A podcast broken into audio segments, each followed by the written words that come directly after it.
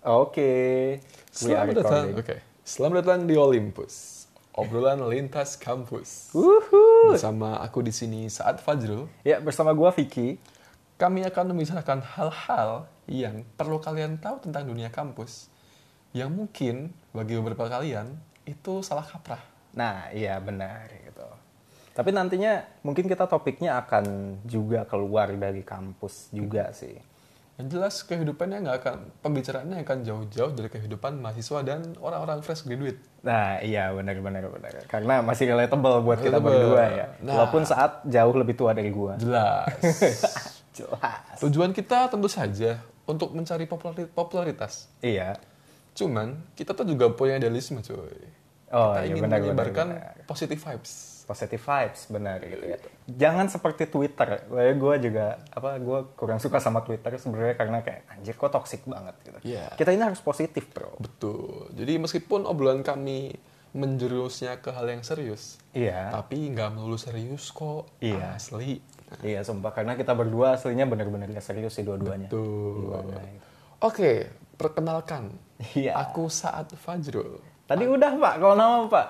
Aku nggak apa-apa adalah seorang alumni dari sebuah universitas negeri di kota Surakarta bernama Universitas 11 Maret Nah, dari jurusan Hubungan Internasional dan aku masuk tahun 2013. asip. Oke. Eh, kalau gue Vicky, mungkin ada yang kenal sama suaranya. Iya, gue asing. Iya, oke. Gue co-foundernya satu persen juga gitu. Kenapa bikin ini? Karena anjir ini sangat-sangat apa ya? Sangat-sangat apa namanya? Eh, impulsif ya. Ya, jadi gue lagi gabut, terus tiba-tiba saat ngomong kayak, Vic lu di kosan? Oh iya, terus gue bilang, iya gue di kosan. Terus dia datang, abis gue kerja. Terus ya udah kayak, ah yuk kita podcastan yuk, kita ngomongin soal kampus kita. Nah, terus kayak, fuck yes! Seakan-akan gue belum cukup bacot di satu persen. Anjir. Ya, eh gue alumni dari Fakultas Psikologi Universitas Indonesia. Gue masuk tahun 2015. Jadi gue sebenarnya baru lulus tahun kemarin tuh. Februari tahun kemarin. Seperti itu. Seperti itu. Baik, mari kita memulai Nah, podcast jadi- kita. Nah, jadi nih, hari ini kita mau ngobrolin soal facts apa ya? Fakta-fakta yang orang biasanya salah kaprah nih soal kampus kita berdua. Ah, betul. Nah, kita mungkin start dulu dari hal-hal yang bener-bener obvious yang kayaknya nih orang-orang suka salah gitu. Pertama, UI itu di Jakarta. Astaga, astaga, astaga. Jadi gue tuh gak habis pikir gitu banyak banget orang yang mikir bahwa oh iya Fik lo kuliah di UI, eh, gimana Jakarta ini itu. I don't know. Tapi UI itu bukan di Jakarta. Please, aku sebagai orang yang tinggal di Solo, Heeh. pada waktu masih kecil, Heeh. ya setauku, oh itu Jakarta. Nah, iya. Mungkin masalahnya karena ada Selemba kali ya. Iya, itu mungkin juga. Soalnya kalau secara secara historis pun, UI berawal dari Jakarta, Bung. Iya sih, UI berawal di Jakarta sih sebenarnya. Iya, jadi ya sebenarnya itu setengah salah setengah benar sih. Kayak emang UI ada di Jakarta, tapi mainly sebenarnya UI itu udah ada di Depok. Oke. Tapi kalau secara administrasi surat menyurat gitu, rektorat di mana?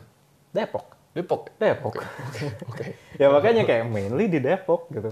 Lu cuman ke S2, eh ke S2 lagi. Lu cuman ke Salemba kalau misalnya ya satu, lu S2. Ada Oke. beberapa S2 yang di sana. Kalau misalnya tapi itu pun sebenarnya sekarang-sekarang nih setahu gue udah dipindah semua gitu. Eh, termasuk kan dulu kalau misalnya yang terkenal itu yang kedokteran di sana gitu. Sekarang udah mau dipindah semua ke Depok. Jadi kayak ya sebenarnya emang mainly di Depok gitu.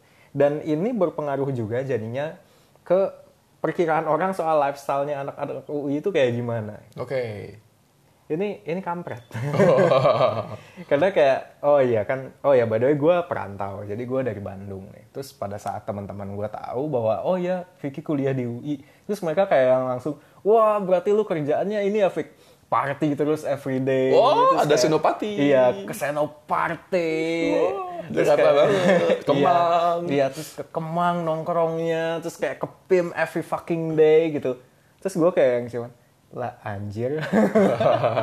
nih, kalau aku sendiri nih, Ya. hal paling menyebalkan tapi ya karena udah sering terjadi aku jadi ya udah gitu loh. Ha.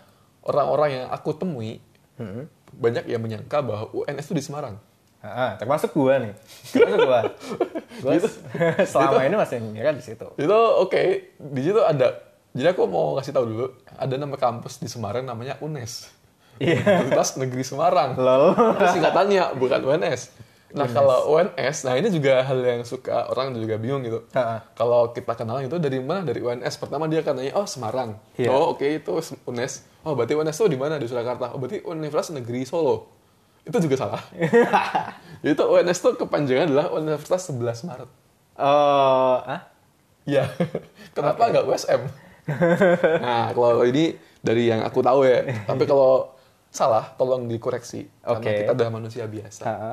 Tempatnya selalu dan lupa kan ya. Iya, ha. Sejarah-sejarahnya tuh dulu ada pada zaman dulu lah, zaman Orba gitu. Iya, ha. Ada banyak kampus di Solo.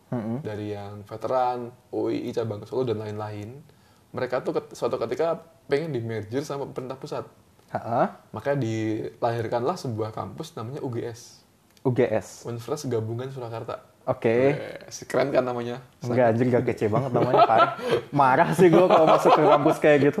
Gabungan. iya gabungan. ya. Gabungan. Tapi secara literally emang itu gabungan dari berbagai kampus yang ada di Solo. Ha. Terus karena suatu ketika aku lupa tahunnya berapa, terus jadi Universitas Negeri Surakarta. Iya. Nah terus oke. entah gimana cara ceritanya tuh lupa, tapi kalau kalian kepo banget dan pengen tahu kenapa terjadi, kalian bisa mengunjungi Museum UNS di gedung perpustakaan pusat UNS, lantai 7. Ya, sekalian promosi lah. Iya, sekarang Itu promosi ada ya. sejarah di situ ada tambahannya. Nah, terus kalau iya, sekarang yang terdaftar sebagai Universitas 11 Maret. Nah, kenapa namanya masih UNS disingkatnya? Ha. Ya biar nggak ribet aja. Oh iya. Karena udah dikenal sebagai UNS, ya udah, Ya udah lah ya. udah. Iya, ha, ha, ha. simple itu. Iya. Brandnya sudah terlalu kuat ya berarti. Wah, jadi kayak dis- ya jadi tapi ya itu bagi kalian yang belum tahu itu sih. Nah. UNS adalah 11 Maret. Oke, 11 Maret ya. Eh by the way, kayaknya dulu itu gue sempat daftar deh ke Serius? UNS. Iya, UNS tuh gue nggak tahu tapi lupa. Hmm, jadi gue tuh pada saat gue mau masuk kampus, eh, jadi gue kan sebenarnya lulus SMA itu pada tahun 2014. Oke. 2014 gue eh, terus setelah itu gue masuk ke UI tapi belum ke psikologi waktu itu gue masuk ke teknik mesin nah gue udah tahu waktu itu gue masuk ke teknik mesin tapi karena gue waktu itu belum yakin sama itu jadinya gue waktu itu juga daftar ke beberapa kampus lain gitu. UNS tuh ada itunya nggak sih? Ujian mandirinya gitu? Ada. oh ada ya? Oh iya. Berarti kemungkinan besar gue daftar dan Oke. gue tes. Nah ini Vic, ngomongin pindah jurusan gitu. wah iya itu di episode lain kali ya Oke. Oh, bet- oh, betul betul betul. Kita hari ini hanya sekadar membicarakan hal-hal tentang kampus iya masing-masing. kita mau ngegibahin kampus kita Oh, jadi kan aku sebagai anak UNS nih ya. Hmm? Kampus yang cukup jauh lah. Jadi yang aku alami tuh ketika ke Jakarta. Hmm? Pertama aku punya teman. lol yes, karena aku di Solo, Ha-ha. Kecil di Solo, lalala terus tiba-tiba ke Jakarta. Cuman satu hal yang aku syukuri dari UNS adalah UNS tuh membuatku menjadi diriku yang sekarang. Wih. Pada dasarnya UNS tuh asik gitu. Oh asik asik. Kenapa asik? Gimana gimana? Dia berada di lokasi yang sangat murah. Oh iya iya. percaya nggak oke. percaya? Aku kalau makan soto pada zaman itu ya, jadi aku tuh kuliah dari tahun 2013 sampai 18. Yes nggak ideal 5 tahun. Iya. Nah, itu tuh zaman itu aku masih suka menemukan soto seharga 3.500 di kantin visit. 3.500. Ini tahun 3.500. berapa? Tahun berapa? Ya tahun 2017 juga masih segitu. 2017 lu makan soto Masih di kantin 3.500. visip bawah kantin Bu Yuni. Kalau kalian dari yang di kuliah di visip UNS pasti tahu. itu Lol. soto tiga setengah.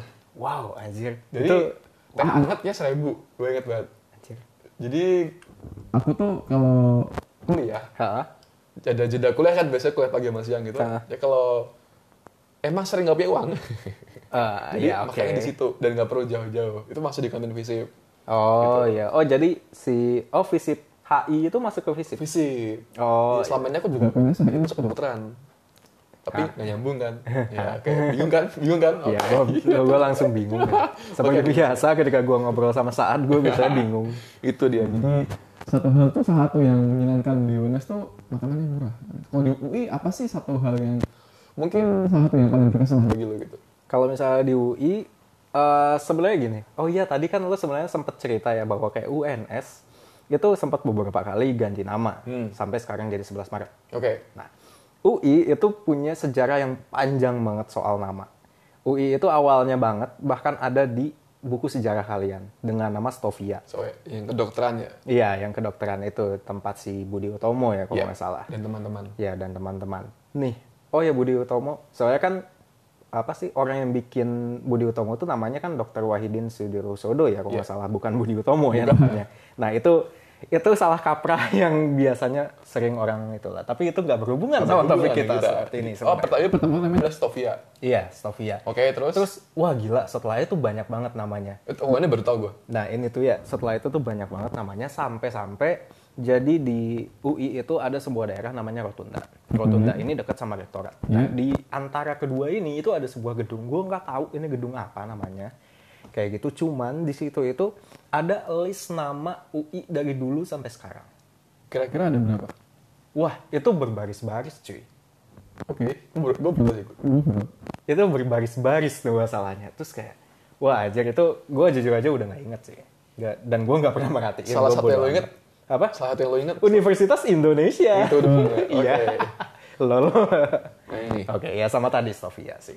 Eh itu satu yang apa ya hal yang cukup menarik dari UI. Tapi kalau menurut gue yang paling berkesan dari UI itu adalah ini. Eh jadi kan gue itu dulu di Bandung.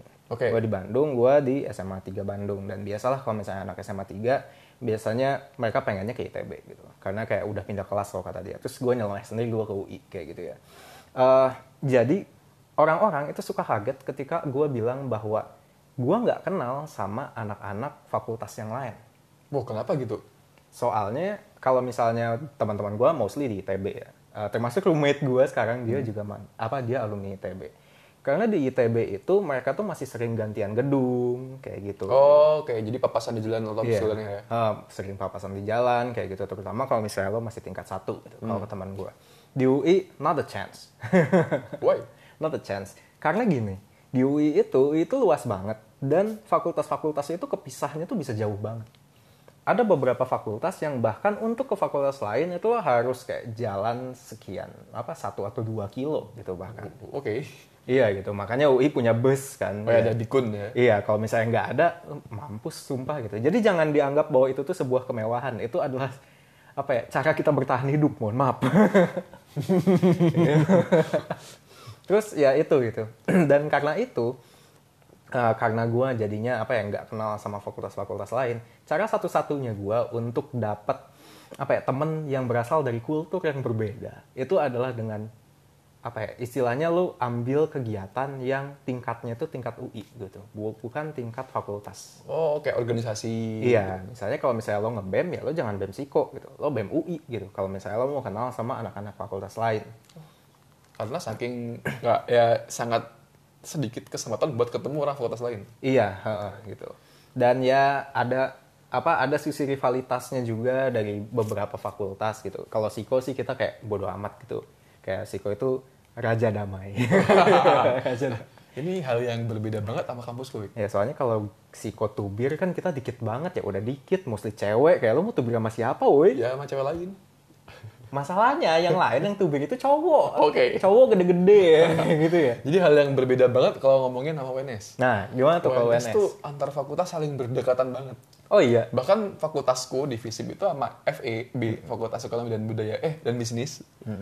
ekonomi dan budaya Ekonomi berbudaya. oh, iya, iya, iya. boleh boleh budaya ekonomi Iya, bisa. budaya Itu- kapitalis Itu bener-bener nempel.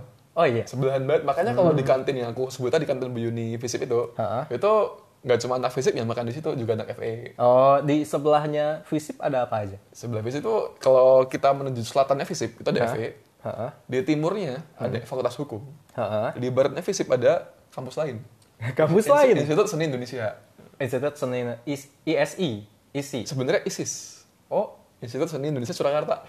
Oh iya sumpah Iya, kan ada di Jogja, ada di Ba- Bali juga kan. Oh iya, jadi harus dibedakan. Iya. itu kalau jadi tuh fisik kalau baru bisa be. belum kalau kalian kuliah di UNS gitu. Di fakultas kayak FKIP, keguruan pendidikan. Itu kan se- sebelah beratnya FH. Kalau ke Tenggara Selatan Beradaya, Beradaya itu ada FSRD dan lain-lain. Jadi emang antar fakultas itu deket banget. Jadi kita emang gampang untuk sebenarnya gak gampang-gampang amat, cuman bisa lah mem- lebih memungkinkan buat kenal fakultas lain. Iya. Contohnya makan di kantin fakultas lain. Nah iya, itu sering terjadi Nah, juga sebenarnya di, cuma apa, buat lihat cewek-cewek fakultas lain. Iya, ha. Itu termasuk apa ya? Orang-orang fakultas lain sering ke fakultasku gitu. Hmm. Karena bagi fakultas lain, fakultas fisip tuh menyimpan gadis-gadis cantik. Oh iya, pantesan saat kayak begini ya. Oh, aku, aku kayak bayi, mengayomi. Ya, anjir. Fuck ya. Itu sih. Eh, Kalau di UI sendiri nih, fakultas mana yang terkenal, populer, ceweknya cakep-cakep? Psiko, FH. Sebenarnya eh, kalau misal di UI itu agak ribet sih sebenarnya. Karena. Gimana nih? Oh ya by the way, jadi di Psiko sendiri kita cukup privilege karena kita cukup dekat sama fakultas-fakultas lain.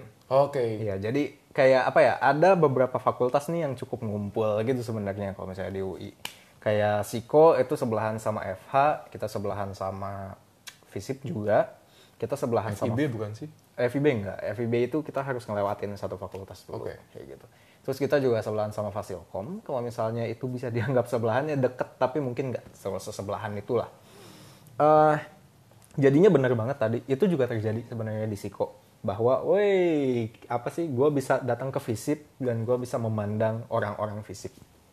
Dan gue bisa makan di sana. gitu. Yup. Iya. Dan ini berguna banget ketika ini ini aneh banget gitu. Jadi Siko Logi UI itu pernah sekian tahun kita nggak punya kantin. Oh, oh sedih sekali. Saya turut berduka. Hmm, sekian tahun atau kayaknya setahun deh. Jadi Oh, gitu eh, kantin kita itu direnov. Oke. Tapi renovnya kagak mulai-mulai. Oh, ada apa ini? Nah itu itu aneh lah nggak tahu. Gue tidak gue tidak peduli jujur aja. Gue tidak peduli sama perpolitikannya. Gue nggak peduli sama apa yang terjadi. Yang gue peduli gue butuh makan. Lalu bagaimana cara Anda bertahan hidup? ya akhirnya kita nebeng gitu ke fakultas lain. Kita nebeng ke Visip, kita nebeng ke Fasilkom kayak gitu dan ya jujur gue dapat some share of acquaintance juga sebenarnya karena itu. Kayak gitu. Jadi ada ya nilai positifnya ada sebenarnya. Kayak gitu. Tadi pertanyaannya apa sih? Kalau di UI nih, tapi kan aku sebagai orang UNS nih, Hmm? kan beberapa beberapa kali ke UI. Ya. Eh, Oke, sebagai orang kampung, saya merasa gadis UI itu cantik-cantik. Oh iya, yang mana Tapi- yang paling Tapi cantik? pasti ada dong, pasti ada pusatnya gitu.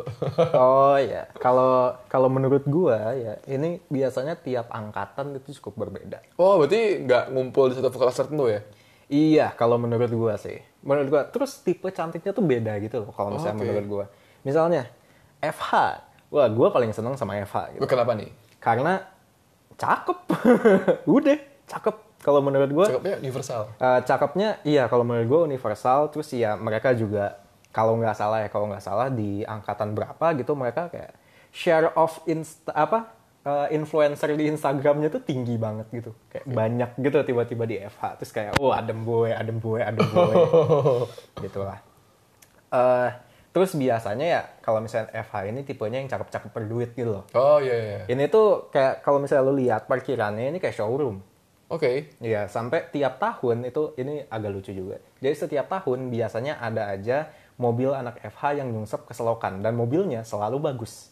Nyungsep di Selokan. Iya. Selokan mana nih? Selokan. Jadi di antara Siko sama FH Oke. ini tuh ada sebuah selokan yang cukup gede gitu. Oke. Nah, eh, masalahnya adalah kalau misalnya mobilnya nggak direm tangan, itu biasanya otomatis gelinding gelinding gelinding jebuk Oke. masuk kayak gitu. Dan ini selokannya selokan gede, cuy. Ini muat mobil. Ini muat mobil gede loh gitu. Jadi kayak ya zong aja gitu kalau misalnya mobilnya masuk. Dan tiap tahun ada. Dan bagus-bagus gitu mobilnya. ya pernah Harrier ada waktu itu pernah Oke. sekali gitu. Tahun gua terakhir kuliah tuh Harrier. Tahun sebelumnya sedan gue lupa ada apa gitu. Pokoknya setiap tahun itu ada yang kayak gitu gitu. Ya itu cukup memperlihatkan status sosial ekonominya di FH itu seperti apa. FH itu fakultas hukum by the way. Hmm, bagi yang nggak tahu. Ya bagi yang nggak tahu. Nah kalau Siko model cantiknya ini cantik-cantik. Kalau menurut gue ya cantik-cantik yang lebih natural lah. Oh, Oke. Ya yang lebih natural. Bisa dibayangkan. Iya. Ya, bisa dibayangkan. Ya tipenya yang kayak gitu. Which is gue sangat senang ada di situ. ya walaupun ya saya juga susah dapat pacar di sana. Enggak sih gue selama apa gue selama ngampus gue cuma punya satu cewek. gitu. Oke. Kok Dan- punya sih? Emang tuh barang kok dimiliki? Waduh, waduh, waduh, waduh, waduh, waduh, waduh. Oke, oke, oke. Ya, apa tingkat 1 sampai tingkat 4 gue barengan sama dia gitu. Jadi kayak ya udah mantan gue cuma satu pas kuliah ya udah kayak gitu. Eh, itu Siko. Terus ada lagi FEB. Oke, ekonomi dan bisnis. Iya, ekonomi dan bisnis, bukan budaya. Ya. Kalau misalnya FEB cantiknya lebih kayak yang arah cantik pinter gitu sih. Kalau menurut gua. Cantik, pintar. Ya, lo kebayang kan bentukan bentukannya kayak gimana nih? Contoh artis yang kayak gitu. Siapa ya? Gue pengen bilang mau di Ayunda sebenarnya. Cuman mau di Ayunda tuh kalau misalnya kita lihat mukanya doang tuh belum kelihatan pintar gitu. Oke. Emang latar belakangnya pintar banget. Oh, ya karena kita kenal dia gitu. Iya, karena kita tahu Tapi- latar belakangnya iya, dia. dia Kenal? Oh, Belum. Belum ya. Semoga ayo Mayo Anda kalau misalnya mau main-main ke kantor satu persen. Anjir. Terus eh apa tadi FEB? Terus apa lagi ya? Bahkan ada yang sespesifik gini. Di Fakultas Teknik itu juga ada jurusan yang cantik-cantik. Arsitektur. Oke.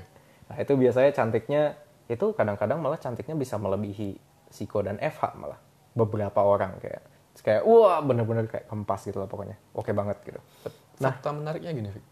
gimana Ketika aku nongkrong sama alumni berbagai kampus ya, Hmm. itu entah kenapa sebenarnya nggak beda-beda jauh. nggak beda-beda jauh gimana Contoh kayak yang cakep tajir gitu. oh Itu di tempatku juga fakultas hukum.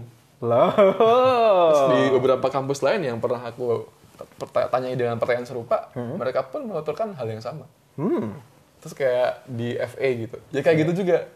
Jadi sebenarnya entah kenapa hal ini terjadi nggak cuma di satu kampus. hmm iya ya. Dan itu menjadi salah satu persamaan antara UI dan UNS. hmm iya oh di lo juga yang cewek-cewek yang cantik Kayak gitu juga. itu di yang bawa juga. mobil-mobil bagus pun di fakultas hukum. hmm menarik ya Iya, sebenarnya berarti tuh sebenarnya antara kampus satu dan kampus lain tuh oke lah perbedaan pasti ada lah ya banyak. Gitu. iya ha. Tapi kalau mau dicari hal-hal yang sama pasti ada juga. ya ada juga Kayak sebenarnya ya Ngomongin perbedaan dan persamaan UI dan UNS nih.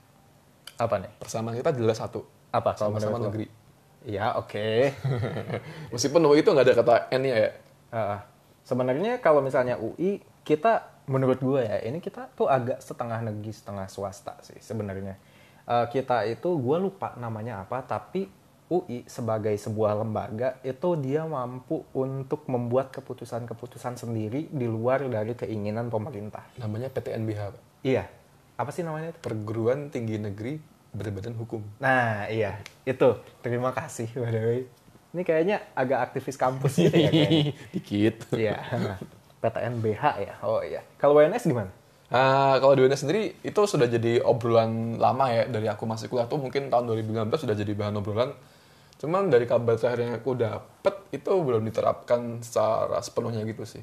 Oh, Cuma tapi emang udah arah ke Sudah situ. diwacanakan sejak dahulu kala sih jadi aku masih kuliah. Hmm. Dan sempat jadi perdebatan juga dan terjadi audiensi antara rektorat dengan beberapa aktivis. Karena emang itu banyak obrolannya gitu sih. Hmm, Terus ini Fik, yang aku penasaran nih, kan dulu tuh aku kepo nih, biaya kuliah di UI.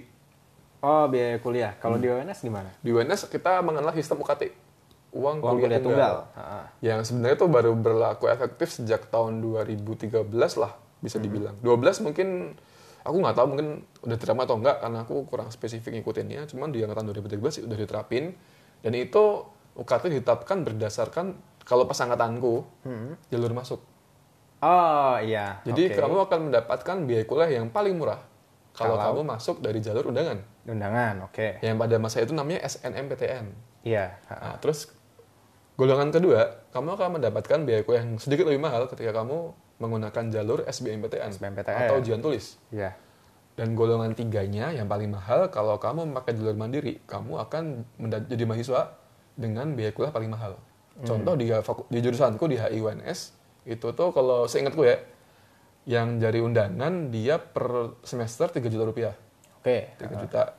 Kalau yang SBMPTN 3,3, yang mandiri 3,9. Mm-mm. Gitu. Kalau di UNS kayak gitu. Tapi makin ke sini yang aku ikutin sih terakhir ikutin juga itu udah ada yang kayak pakai penghasilan orang tua dan mulai ada penggolongan 1 sampai 7 atau 1 sampai 5 nggak tahu, cuman udah ada penggolongan itu. Jadi Pengumuman 1 sampai 7. atau itu 7 atau 5 gitu. Nah, itu kalau kamu bisa masuk golongan 1 itu KT maksimal 500 ribu Oh, iya iya. golongan dua satu juta tiga dan seterusnya ditentukan oleh kampus begitu kalau di UI gimana Kalau misalnya di UI, eh ini gue juga sebenarnya udah agak lupa sih. Gue sebenarnya agak amazed sama lo kenapa lo masih ingat apa detail-detail yang seperti itu.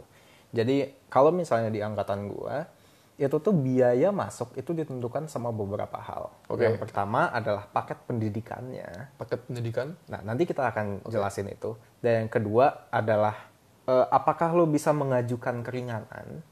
Itu yang nomor dua. Eh, dan udah sih, setahu gue itu aja. Jadi cuma dua.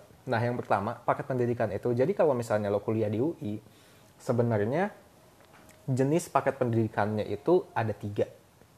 Ada reguler, ada paralel, ada kelas internasional KI, kelas khusus internasional gitu. Ini sebenarnya kalau misalnya antara reguler sama paralel ini bedanya minim banget. Kalau misalnya KKI, KKI ini adalah mereka yang either satu, misalnya mereka akan dapat double degree, jadi dua tahun di Indonesia dan dua tahun UI bekerja sama dengan universitas-universitas di luar, terutama dengan universitas di Australia, Inggris sama Belanda, kalau misalnya, atau Australia sama Belanda doang gitu. Nanti mereka akan kuliah di sana. Itu yang pertama. Dan mereka akan dapat dua degree. Atau yang kedua adalah ya single degree. Maksudnya degree-nya cuma dari UI, tapi ya tetap gitu kuliah di dua tempat itu. Kalau reguler sama paralel itu ya sebenarnya kayak kuliah biasa aja, cuman uang masuknya beda. Nah, ini juga sebenarnya agak mirip-mirip sama yang UNS lakukan nih. Jadi jalur masuknya dulu lewat mana? Kalau misalnya lu masuk lewat undangan, lu pasti masuk paket reguler. Dan reguler itu adalah paket yang paling murah. Kalau misalnya pas tahun gua masuk, reguler itu untuk jurusan-jurusan soshum itu 5 juta. Kalau misalnya untuk saintek, saintek itu berarti teknik kedokteran dan lain-lain, itu cuman tujuh setengah. Termasuk kedokteran ya, banyak yang bilang bahwa kedokteran UI mahal. Enggak, kok pas tahun gue itu masih tujuh setengah. Tapi gue shock sih. Oke, itu murah banget. itu itu murah banget emang. Uh, terus uh, paket yang kedua itu adalah paralel. Uh, paralel ini lo bisa masuk lewat jalur uh, apa ya, ujian tertulisnya UI yang namanya SIMAK UI. Itu lo bisa masuk lewat situ. Ini kalau nggak salah ada uang pangkalnya, tapi nggak semahal itu kayak cuman 15 20 gitu kalau nggak salah. Nggak lupa, cuman emang bayarannya lebih mahal. Bayarannya kalau nggak salah di sekitar 10 Ini paralel ya? Iya, paralel.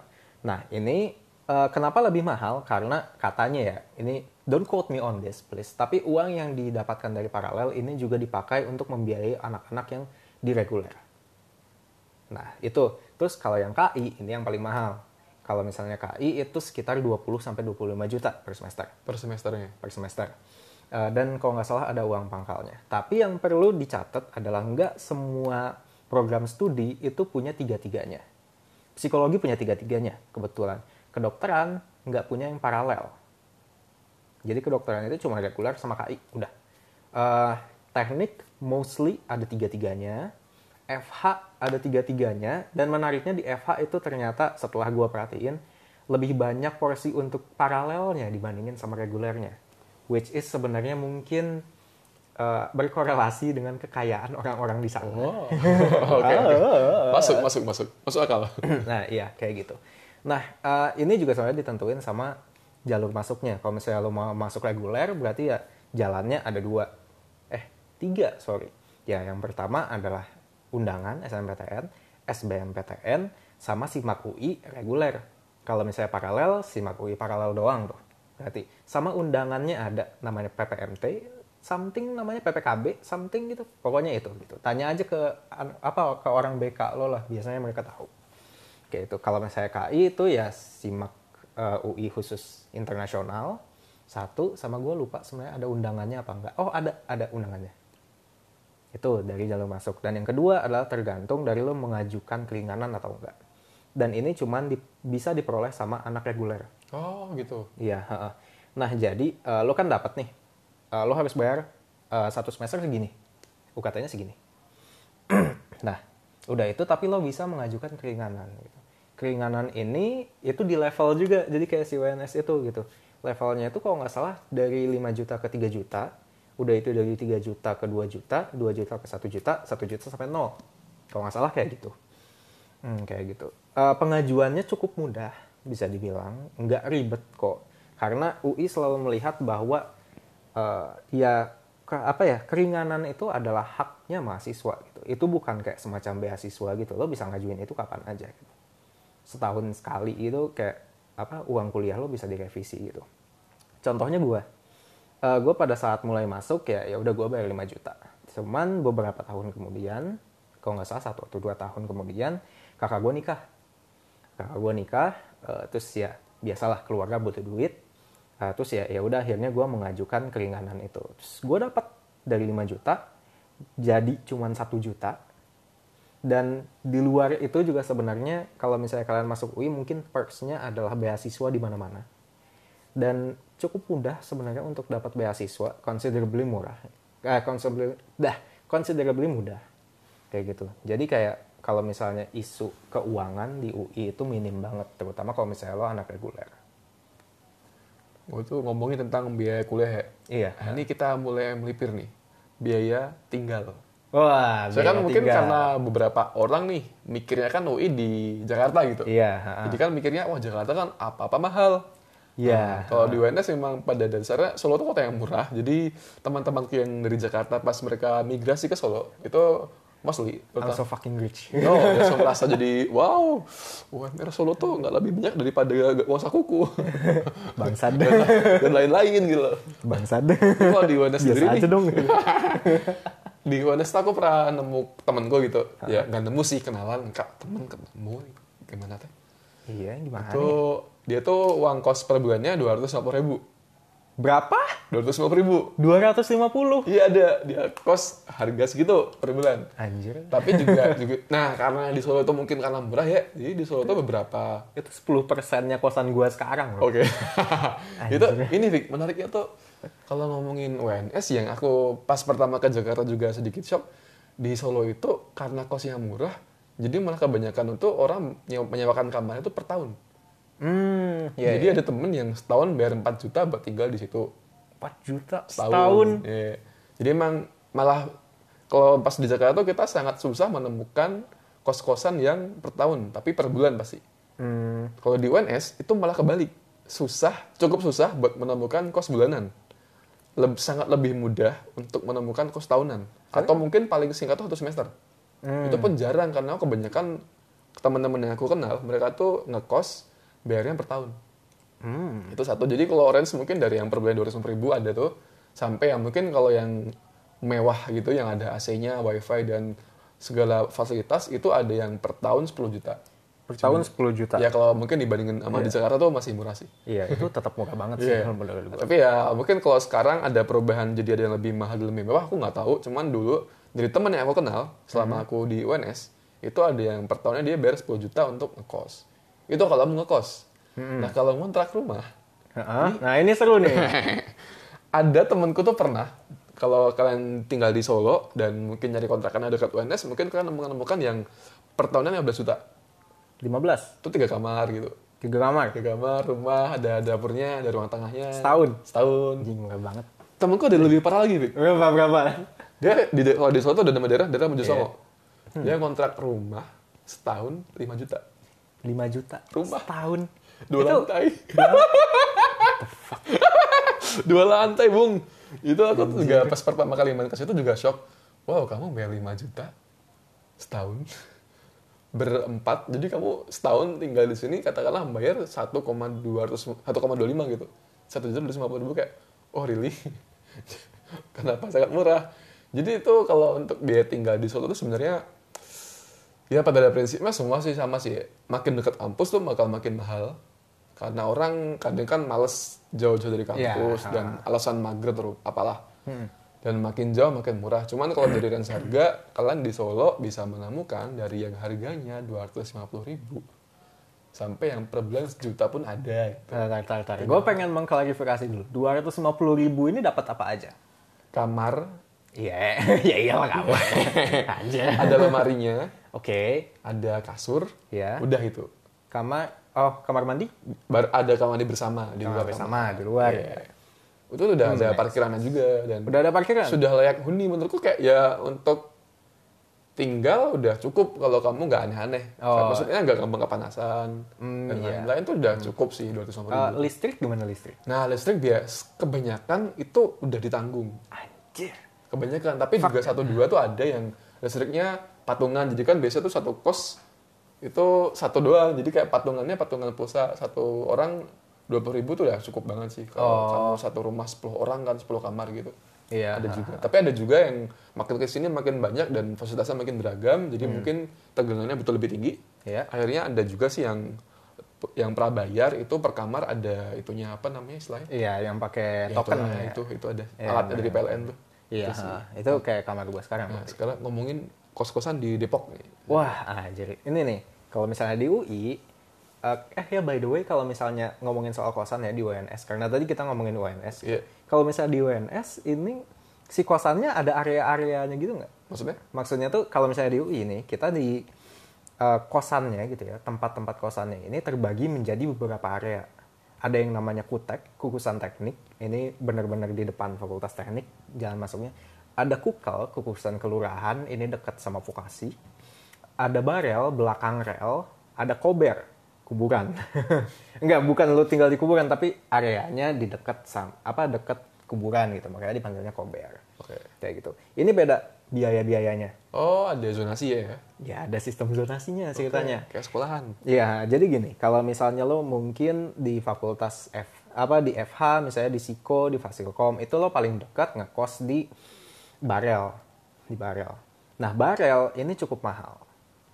Eh, standarnya gini, kalau misalnya lo pengen kamar dengan kamar mandi dalam ber AC, ini lo harus siapnya itu sebulan itu sekitar 1,5 1,6.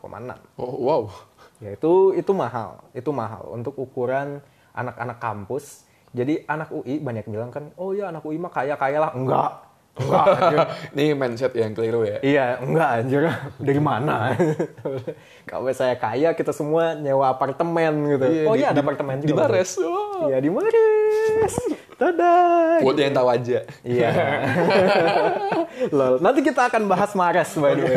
We have to explain about Mares. Yes. I'm so fucking excited. Oke, itu kalau di barel ya? Iya. Kalau di kukel kutek, Nah, kalau misalnya kukel sama kutek, ini cukup murah. Termasuk, eh, terutama, sorry bukan termasuk, kukel. Tapi ya, there's, a- apa, ya pastinya there's a catch, gitu ya. Oke.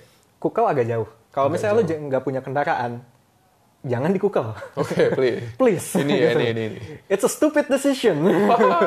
Unless you have a boyfriend. nah, iya. Who bring the car every day. Iya, eh, eh jangan juga tapi karena Why? dari kukel, dari Oke. kutek, eh sorry ada satu area lagi namanya Pocin, Pondok, Pondok Cina. cinta. Eh, ci- Pondok Cinta, ya Eh, ampun. oke. Itu mah Mares. Oh. Yeay. boleh tahu aja. Ya, Anjir. Oke, berarti nggak boleh bawa mobil ke kukel. Eh, bukan nggak boleh. Kurang bijak. Kurang bijak karena kenapa? Kukel, eh kukel, kukel, kutek, pocin, barel itu eh, akses masuknya ke UI semuanya nggak bisa dilewatin sama mobil. Oke. Semuanya hanya bisa dilewatin sama motor atau lo jalan kaki. Jadi ya kalau misalnya lo mau kuliah di UI, mungkin kalau misalnya lo mau bawa kendaraan ya bawa motor gitu. Eh, kecuali lo tinggal di Jakarta. kalau misalnya kayak gitu ya udah nggak apa-apa mobil kayak gitu. Eh, Kutek itu gue dulu eh, ngekos di Kutek. Itu standarnya adalah kalau misalnya lo pengen yang ber AC, itu lo harus ngeluarin sekitar sejuta. Tapi itu kalau misalnya sejuta itu cukup jauh dari akses masuk ke UI. Oke. Iya, kalau misalnya deket itu ya sama aja kayak barel sebenarnya 1,5, 1,6 lo baru dapat yang ada AC-nya. Tapi kalau misalnya lo mure seperti saya, itu lo bisa dapat kayak bahkan sampai harga yang cuma 500 600 gitu satu bulan gitu. Itu udah kalau menurut gua yang paling ya sebenarnya nggak semurah yang di UNS tadi, cuman itu layak huni satu dan yang kedua itu udah hitungannya cukup murah kalau misalnya di apa di eh, di kutek kayak gitu. Kalau misalnya di barel gitu ya di barel dan di pocin lo 500 600 itu lo nggak dapat apa-apa. Kamar kosong gitu ya. Lo cuman dapat kamar eh, dapat kamar satu, dapat lemari, dapat ranjang, udah. Oke. ya kayak gitulah Hmm, pokoknya kayak gitu. Kalau di kutek ya lo dengan duit segitu ya proper lah. Lo dapat shower.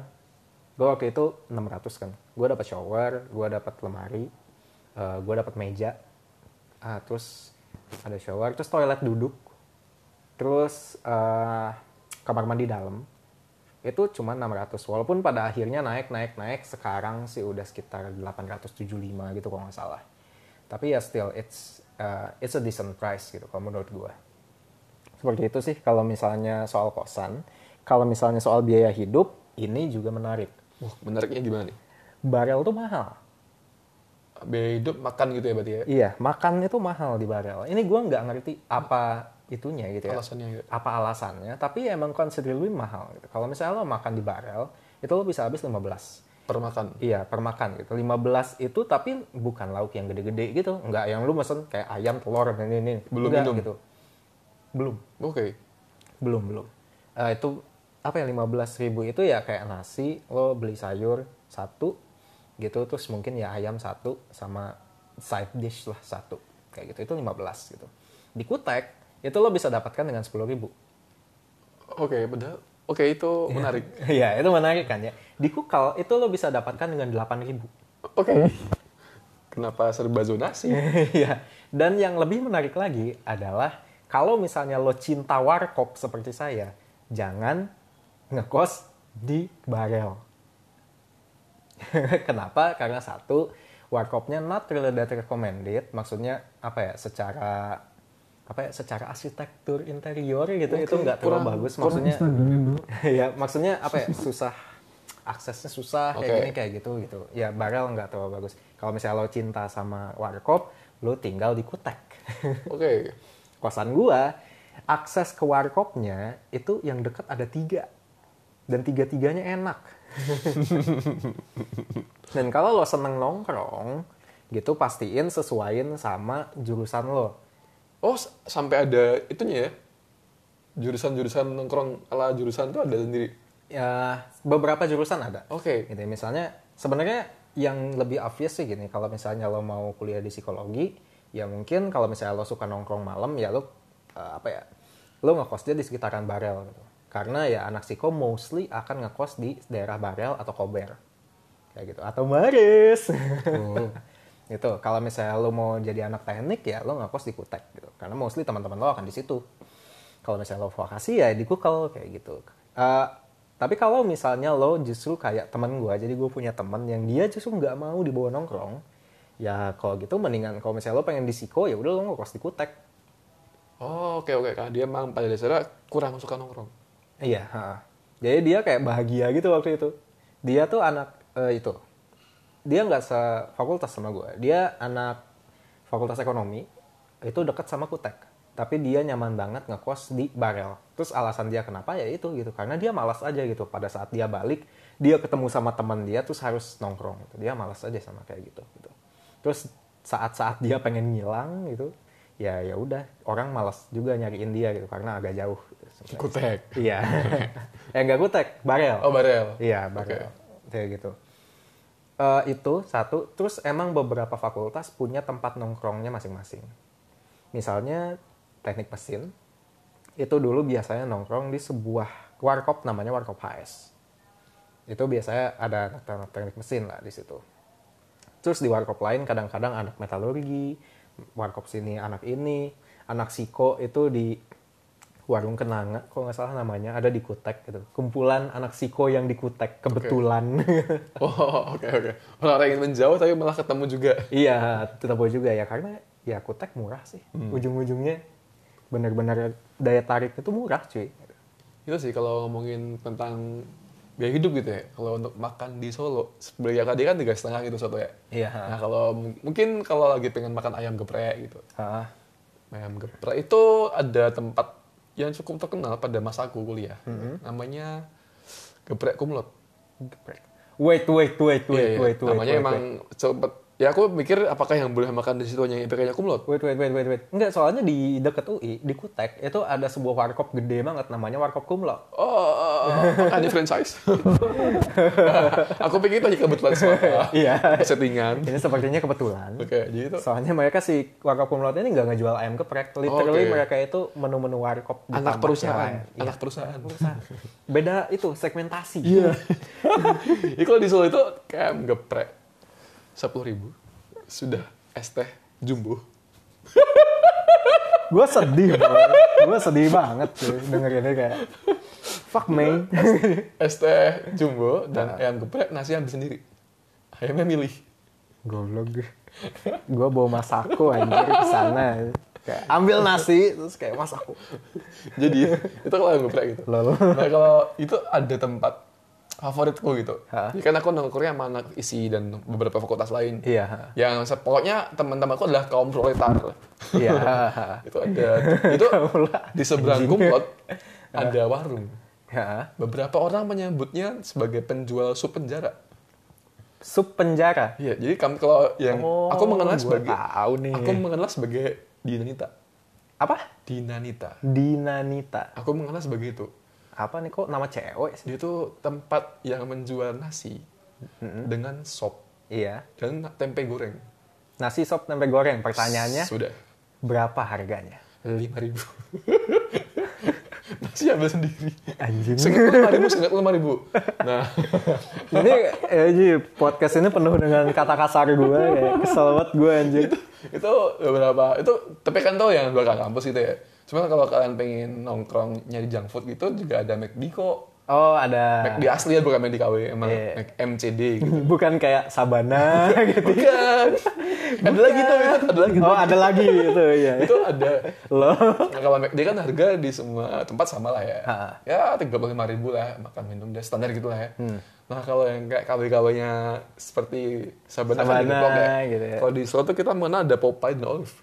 what Ada Popeye dan Olive. Popeye and Olive oke Tapi Popeye sendiri, Olive sendiri. Mereka tuh beda perusahaan. oh Ada Popeye, oke Ada Olive. oh Nah mereka tuh menjual ya ayam dengan saus sambal dan saus ya tomatnya standar the besto gitu ya Itu tujuh ribu yang saya, saya ingat gue ya. oh ha. Terus Pep yang paling mahal tuh dada itu saya ingatku sebelas ribu apa dua belas ribu gitu. ah ya itu itu cukup standar sih Sabana Iya, juga harganya segitu segitu, juga kan. soalnya iya ha. Jadi itu, jadi kalau emang lagi pengen makan ayam yang sedikit menyerupai junk food, Iya, di situ. Nah, Kalau untuk ayam penyet juga ada nama terkenal banget dua yang mungkin ini kayak jadi segregasi gitu. ya. Ada dikotomi selera ayam penyet tuh. Mm-hmm. Iya, ha. Satu ayam penyetnya Jepun, Jepun namanya Jepun. Anjir. Satunya? Jepun kan? Dia Jepang gitu kan. iya. Satunya ayam penyet Bandung. oh oke. Nggak tahu entah beneran yang jual tuh orang Bandung. Iya atau, cuman minjem brand cuma Bandung. minjem nama doang. Kayak di biasa ada, ada bakso Solo tapi pas ditanya pakai bahasa Jawa dia oh enggak saya cuma minjem nama. Kayak oh oke. Oke.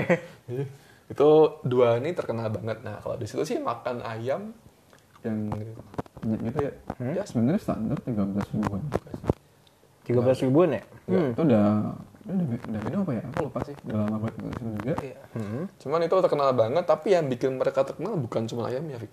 apanya ayam kampusnya sawi goreng oh bukan sawi goreng iya hmm Sudah selalu kalau balik ke Solo lo harus makan sawi goreng di ayam penyet Bandung kalau aku prefernya. Cuman mungkin beberapa pendengar lebih menyukai di Jepun kalau anak UNS begitu. Cuman sebagai anak proletar aku ulangi lagi tekankan di sini orang punya uang banyak. ya oke Itu kami kalau nongkrong aku dan golonganku makannya di Raja Koyor. raja koyor Iya. oke Koyor What is adalah? Kalau koyor nggak? enggak Koyor tuh mungkin gaji gitu ya. Entah apa ya aku nggak tahu Oh. bagian dari daging. lemak something Iya lemak something yang itu nggak sehat sebenarnya. Iya. Terus dibakar. Itu itu itu sama kayak sawi goreng ya, goblok. itu hampir tiap malam aku di situ. Karena dia per tusuknya seribu rupiah. Terus makannya kan nasi sama oseng-oseng. itu kita bisa minta, bu nasinya tiga ribu, bu nasinya dua ribu. oh anjir bisa disesuaikan gitu ya? Iya bisa. Kamu tuh, ntar, ntar pakai ini ya, pakai ini nggak, pakai sambal nggak, pakai jadi kayak udah lengkap segitu lo dengan uang tujuh ribu rupiah lah. Ya kata delapan ribu lah minum. Itu udah cukup malam kamu cukup nikmat. Oh, nggak akan nggak akan lapar sampai pagi. wah nikmat sih itu nikmat sih nikmat banget Itu- cuman, cuman goblok aja gitu itu kalau di Solo tuh mungkin itu. Cuma kalau ya Solo kan terkenal sebagai sebagai kota kuliner mungkin bagi beberapa orang. Nah kuliner kuliner wisatawan itu itu nggak dimakan sama mahasiswa. Oh ya ada tetap, tetap ada yang tempat mahalnya tetap ada yang tempat murah bagi kami golongan aku seperti itu Hmm, iya. Berarti ini sebenarnya ya uniknya. kalau misalnya kita ngomongin soal makanan di luar kampus, ini sebenarnya cukup ada kesamaan. gitu. Sama apa aja. Iya, kecuali mungkin tadi kalau misalnya warteg kayak gitu-gitu beda gitu ya, base harganya gitu. Cuman tadi kayak apa? Ya makanan-makanan di luarnya kayak tadi si apa Popeye and Olive, Oke. Sabana, Sabana, gitu itu The ternyata ada kemiripan ya, Kemiripan. kemiripan. Nah, kalau misalnya di dalam kampus, ini di UI ya. Hmm. Di dalam kampus ini sebenarnya tergantung banget sama fakultas lo. Oh, gitu. Iya, karena setiap fakultas dia punya kantin sendiri. Oke. Gitu. Kantin FH misalnya mahal, Oke. mahal kayak gitu. Eh, kantin Siko itu standar, Standar. tapi pernah jadi mahal banget. Karena waktu itu tuh jadi, ya kan tadi seperti yang gue bilang, Siko itu kalau nggak salah setahun atau dua tahun, kita pernah nggak punya kantin. Kita nggak punya kantin, terus tiba-tiba dibuatin sebuah kafe. Oke. Kafe cuy. Di dalam kampus. Iya, dan itu tuh si kafe itu lo pesen mie ayam itu 15.000 ribu. Oke, anak Solo nggak paham. Can't relate. Iya gitu. Tadinya padahal ya di Siko biasa-biasa aja gitu. Lo makan kayak 10.000 ribu palingan sama minumnya 12 13 gitu. Standar, standar banget gitu kan. Hmm. Standar banget gitu. Nah, cuman karena ada si kafe bangsat itu. gitu gitu. Tapi sekarang Siko udah punya kantin proper lagi, namanya kantin sejiwa. Gue belum pernah makan di situ, tapi katanya recommended banget. Secara harga oke, kebersihan oke, dingin katanya, which is kinda weird karena Oke. mengingat Depok itu panas banget. Mm-mm, dan, ada lagu di lampu merah. Ya. Nah, eh, cuman kalau misalnya lo pengen ngeliat yang beda, mungkin lo harus datang ke Fasilkom, Fasilkom. Fakultas komputer. Ilmu Komputer. komputer. Di situ ada sebuah sate di mana lo bisa dapat 8 tusuk itu cuma 10.000 ribu. Itu udah ditambah sama lontong. Sepuluh ribu. 10.000 ribu. Yo, anak-anak Jawa kuliah di UI ya. Nggak mahal amat kok. 10.000 ribu. Itu terkenal banget. Sampai orang tuh kayak lintas fakultas tuh datang ke situ cuman buat makan satenya. Sate. Soalnya selain murah, dia enak. Oke, kombinasi yang bagus. Iya, komunitas yang bagus. Tapi terakhir kali gue datang itu naik 12. Oh, Tapi oh, tidak apa-apa. Tidak apa-apa.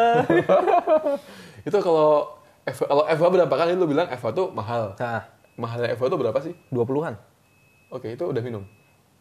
Eh, gue tuh belum pernah nyoba beli minum sih di sana gitu. Cuman Nah, emang makan dibungkus gitu apa gimana? apaan? Iya, gue bungkus gitu terus gue habis biasanya habis 20 gitu lah. Terus emang ya kantinnya FH sendiri cukup berbeda sih dibandingin sama kantin-kantin yang lain. Kalau kantinnya Fasilkom itu standar kantin gitu kayak di luar ada yang pakai tenda, ada yang agak masuk ke ruangan sedikit standar, Oke. standar. Kalau FH di gedung, Gedung kantin sendiri gitu. Bukan kantin, bukan emang nyatu gitu sama Oh, sama tempat kuliah? Iya, sama si tempat kuliahnya Oke. gitu. Jadi kayak ada space kosong itu dan itulah yang jadiin kantin. Ya, that's why mungkin kenapa itu jadi mahal. Bisa jadi Bisa jadi kayak gitu. Nah, ini beda lagi kalau misalnya lo datang ke teknik. kutek. Eh, Eh, bukan kantek, ke kantek. kantek, kantin teknik. kantin teknik. Kantin teknik secara harga it's okay ya 15 kayak gitu. Tapi yang lo harus perhatiin porsinya. Gede banget ini porsi. Sumpah ini kerasa banget Eh, pada serius? saat gue pindah. Nasinya beda. Iya kan? Nasinya beda. Oh, oke. Banyak kan ya? Oh, oke oke. Nah itu, ini beda gitu. Eh, pada saat gue makan di kutek, eh di kantek gitu, gue selalu kenyang. Makan di siko nggak ada apa-apanya. Enggak bersendawa. Masih sih, cuman kayak nggak sekenyang itu gitu. Kalau kalau di kantek tuh, anjir ini banyak banget, gede banget ini ya, porsi, bangsat. gitu. Ini menarik sih. Jadi kalau di ONS sendiri, jadi setelah sebelum aku lulus tuh sempat populer dan sampai sekarang sebenarnya masih populer sih. Namanya ya warung gitu. Raos Eco. Raos Eco. Aku nggak tahu dia startnya di mana. Cuman dia tuh ada di FISIP, ada di pertanian, ada di kedokteran, Loh, dan fakultas lain. sebuah franchise. Sebuah franchise. yang dibeli sama masing-masing fakultas. Karena dia- Menu andalan dia adalah nasi omelet.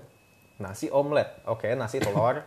Ya sama nasi ya sama omelet. Iya, iya. nasi sama omelet tuh ya nasinya cukup lah. Kalau dibilang banyak banget, nggak sebanyak ketika kamu cari yang pok wei. Oh jadi di, skip dulu. Jadi tuh di Solo terkenal setelah pok wei. Fik. Pok itu apa tuh? Itu bahasa Jawa sebenarnya. Gimana gimana? Jipo dewi. Jipo deh apa? Ambil sendiri. Oh, wah. Jadi nasi ambil Surga sendiri. anak kosan. Sayur ambil sendiri. Wah. Nah, kalau sayurnya dihitungnya per ngambil. Jadi lu mau ambil banyak dikit, bayarnya sama. Hmm. Kalau nasi juga. Nah yang beda cuma lauknya. Kalau ayam ambil dua, bayarnya beda lah ya. Oh iya Gitu iya. sih. Apa tadi Pokwe? Pokwe. Pokwe. Oh, Jipo Dewe. Di UI gue juga mengalami si Pokwe itu. Kebetulan di Barel itu ada satu tem- eh, tempat. Dulu namanya Padaringan. Gue lupa sekarang namanya apa. Itu kayak gitu. Bebas kita ngambil. Jadi kayak mantap. Mantap. Tapi agak mahal sih. Tapi tidak apa-apa. Apa, tapi ya Lanjut, Boy. pada dasarnya itulah setiap kampus punya udah keunikannya masing-masing. Iya. Nah, tapi kalau sekarang kita ngomongin nongkrong di kampus. Se- Nongkrong di kampus. Ya, jadi tuh mungkin beberapa orang tuh nggak terlalu suka nongkrong di kafe karena harus keluar duit. Iya. Kamu nggak mungkin kan parkir masuk parkir terus tiba-tiba cuman ya nggak bayar nggak beli apa-apa duduk wifi-an lama-lama mungkin kan Iya. terus kalau mungkin lagi bosen di kos atau di kontrakan lagi bosen dan di fakultasnya lagi bosen kalau anak UNS Hmm. itu suka nongkrong di dekat danau Deket danau. iya jadi Oke. ada dana, dana buatan gitu Oh, oh, danau Iya, buatan. Oke. Ya terakhir ke situ sih ada klaim wifi di situ, cuman aku nyari nggak ada gitu. Lalu Itu cukup menarik dan karena habis dari inovasi juga, jadi sekarang tambah rame gitu sih. Hmm, Tapi ya gitulah kalau lagi nongkrong di situ karena itu saya cukup indah lah ya. Ada air, ada langit, ada pohon-pohonnya fakultas pertanian yang banyak itu. Terus bisa lihat orang jogging kalau sore-sore gitu sih. Jadi kalau di UNS mungkin nongkrong di dalam kampusnya selain di fakultas bisa ke situ. Selain di situ ada tempat lain deket teknik, cuman ya kurang menarik dan kurang banyak pohonnya jadi nggak lebih adem, nggak lebih sejuk dibandingkan di dekat danau. Karena dekat danau juga tuh ada nggak tahu kalau anak-anak tongkronganku nyebutnya bakso danau. Bakso danau. Ada orang naik motor keliling bawa gerobak gitu, dia jual bakso gitu sih. Jadi emang ya asik. Ah, Sama satu hal lagi, satu hal yang dibanggain sama anak UNS apa? adalah ketika musim angsana. Angsana. Apa tuh? pohon angsana yang kalau lagi musim berbunganya dia tuh bunganya kuning-kuning dan turun ke bawah kayak sakura gitu. Oh, Tapi kuning. iya.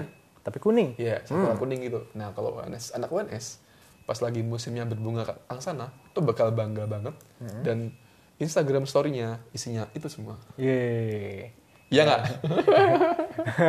Terus yang apa ya satu hal yang dibanggain dari alam UNS karena kita banyak pohonnya. Ya, yang banyak pohonnya banyak banget. Banyak banget, Literally banyak banget pohon. Jadi emang adem. Ya mungkin nggak sebanyak UI sih. Karena UI kan Oh, hutan. oh ya oke. Iya, kalau Itu. sih. Terus kalau di anak UI gimana nih? Kan antar fakultas jauh-jauh nih. Ada nggak sih spot-spot khusus yang biasa dipakai buat pacaran lah, buat nongkrong atau apa gitu? Oh, sebenarnya ada. Cuman kita harus bahas ini di segmen selanjutnya. Oh, betul. Oke, we will be right back. Oke, Oke, kita sudah kembali. di Olympus. Iya. Apa Olympus itu? obrolan Olympus Kampus. Wih, gila gila gila. Canggih sekali. Iya. Nama tiga menit. Oke, jadi tadi kita lagi ngobrolin soal nongkrong. Nongkrong di kampus. Ya, kalau misalnya tadi di UNS itu kan katanya ada di samping Danau. ya, yang banyak itu sama di deket Fakultas Teknik. Iya, tadi katanya. Nah, kalau di apa ya, kalau misalnya di UI, ini pusatnya biasanya orang itu suka nongkrong di perpustakaan pusat. Perpustakaan pusat. Wah, sangat Iya. akademik sekali ya. Cuman gini sih sebenarnya, ada ada hal yang cukup lucu dari si perpustakaan pusat ini. Kalau lu maba dan lo datang ke si apa Perpus- ke si perpustakaan ini, lo nggak akan nyangka kalau itu tuh perpus perpustakaan. Oh iya, benar-benar. Ya kenapa? Karena dulu ya sebenarnya UI cukup dapat bad name juga karena ini gitu. Karena ini perpustakaan, ini lebih mirip mall dibandingin sama mirip perpustakaan.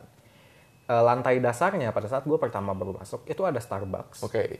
dan di situ ada Gold's Gym, Oke. ada Books and Beyond Oke. dan ada sekitar 4 atau 5 kafe lain di situ. Oh, nice. Dan di luarnya itu ada kayak sebuah kafeteria kayak gitu.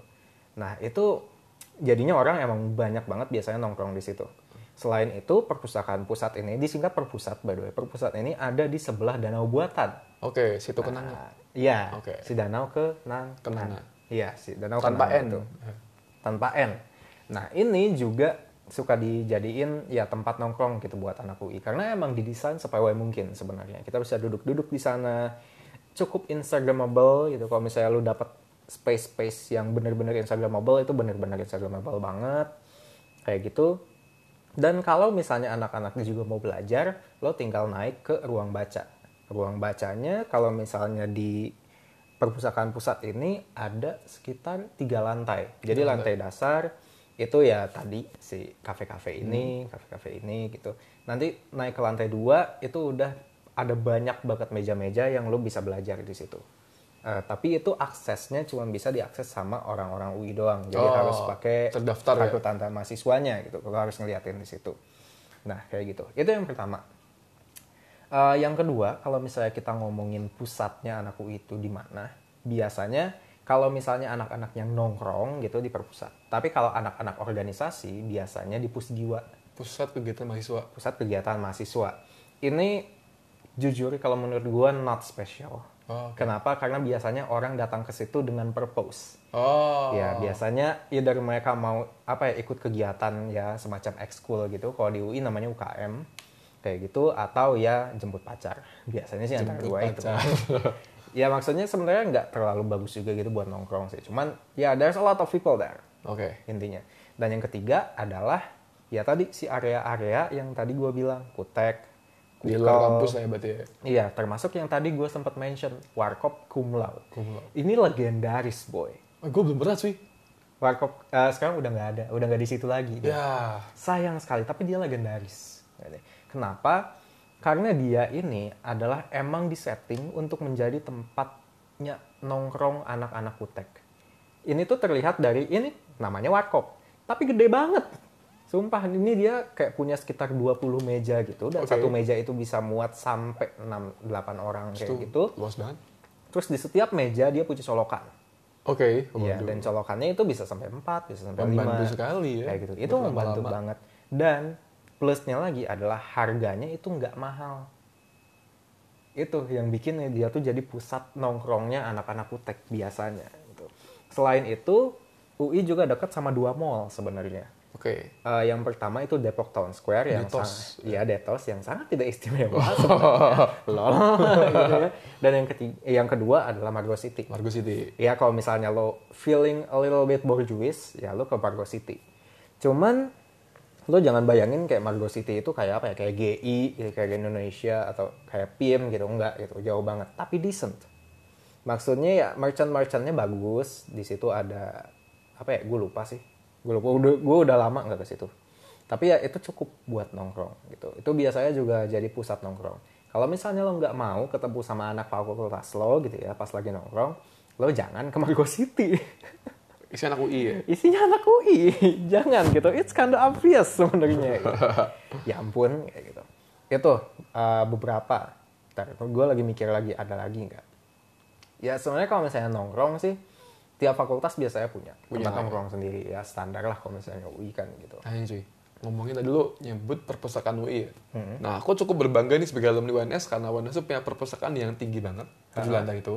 Iya. Dan- iya gue denger denger. Itu, itu aku suka banget kenapa? Karena aku menemukan buku-buku berharga di situ. Oh, ya mungkin sebenarnya di tiap kampus punya, cuman ya aku senang aja di kampus lu juga punya buku-buku ini. Hmm. Jadi kalau di lantai favoritku tuh pas ke lantai 6.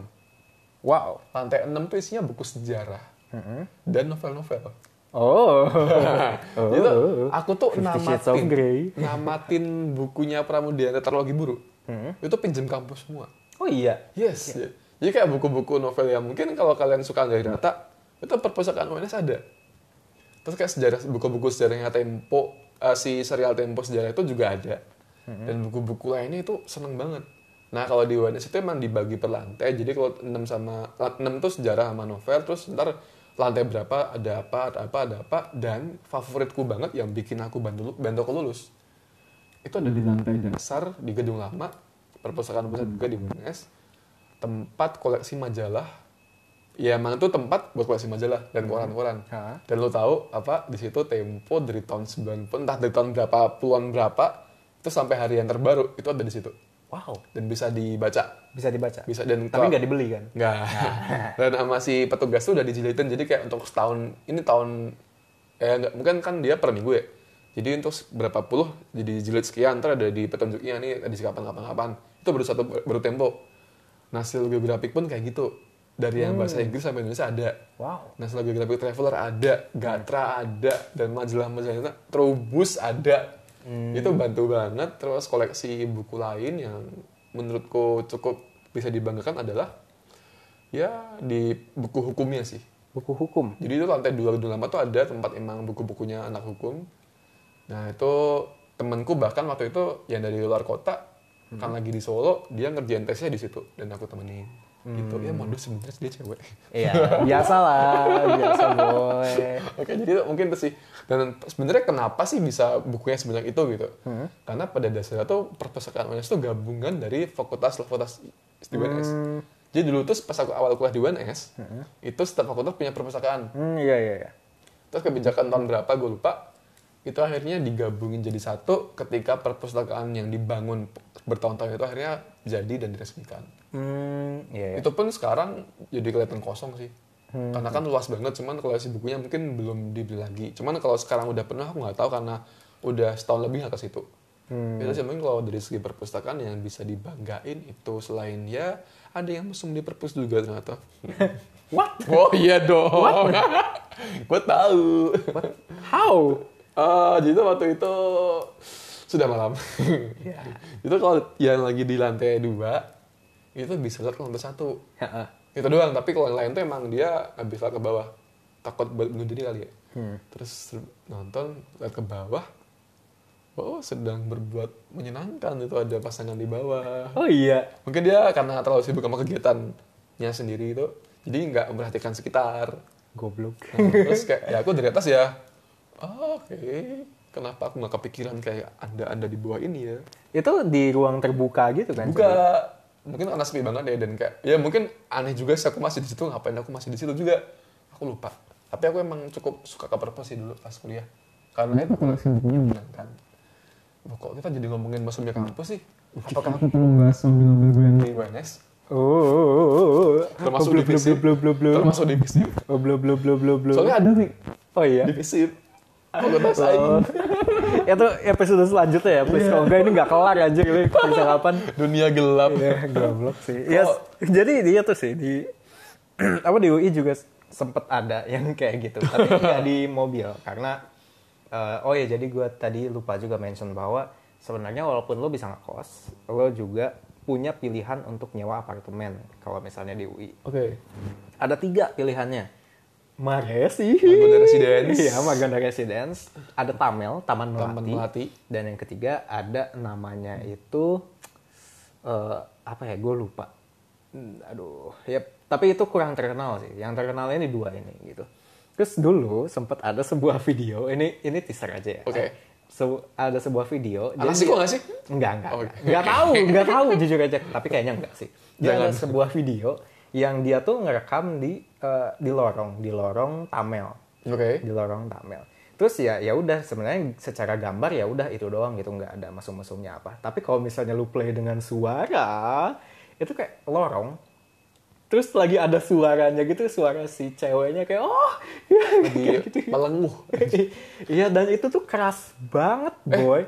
btw berarti dia kan nggak di dalam kamar dia Iya. sedang melintasi lorong di apartemen itu Iya. ha. Jadi dia tuh kayak mungkin dia ngedenger itu terus dia berinisiatif gitu buat Oke. ngerekam tapi dia diem. oh oke dia cuman rekam dia jalan kaki di lorong gitu Enggak jangan kali dia diem Oh, aja diem gitu aja? di lorong gitu. dari suara di dalam gitu Iya terus itu suara gitu terus kayak bersemangat sekali seperti bersemangat sekali sepertinya sampai suaranya keluar gitu Iya, anjir. sangat bersemangat ya kayak woi gitu. Terus ya juga sebenarnya kalau misalnya di apa yang mobil ada sih gue pernah denger juga cerita kegoblogan itu cuman kalau UI UI itu banyak banget satpamnya. Oh yang keliling tuh ya? Ya yang keliling-keliling itu banyak banget. Dan ya it's not a wise move aja gitu.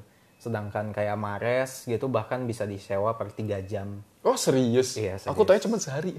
Ya itu 400 ribu. jadi kayak transit gitu namanya transit. Ya itu sebenarnya buat beberapa orang itu guna gitu. Kalau misalnya ya lu literally transit. Tapi ya juga buat beberapa orang itu adalah cerot cabut. Tapi emang apa ya di setiap kampus sih aku yakin gitu. Iya. Di usia-usia ya 20-an awal belasan akhir gitu kan. Iya.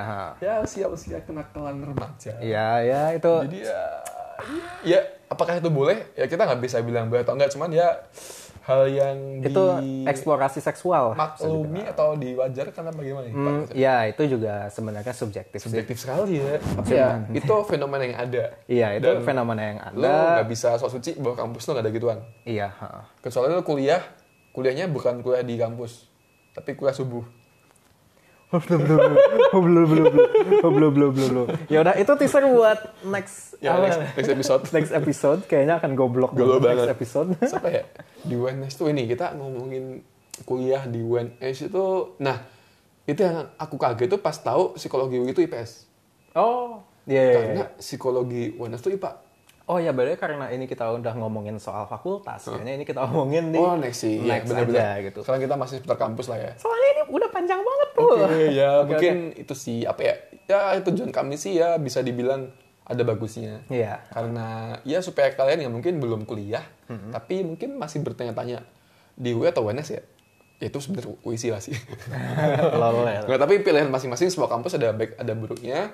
Kalau kalian emang ya berasal dari keluarga yang biasa-biasa aja dan sangat berhemat dalam pengeluaran, mungkin kuliah di UNS akan bijak karena lingkungannya mendukung untuk itu, untuk berhemat.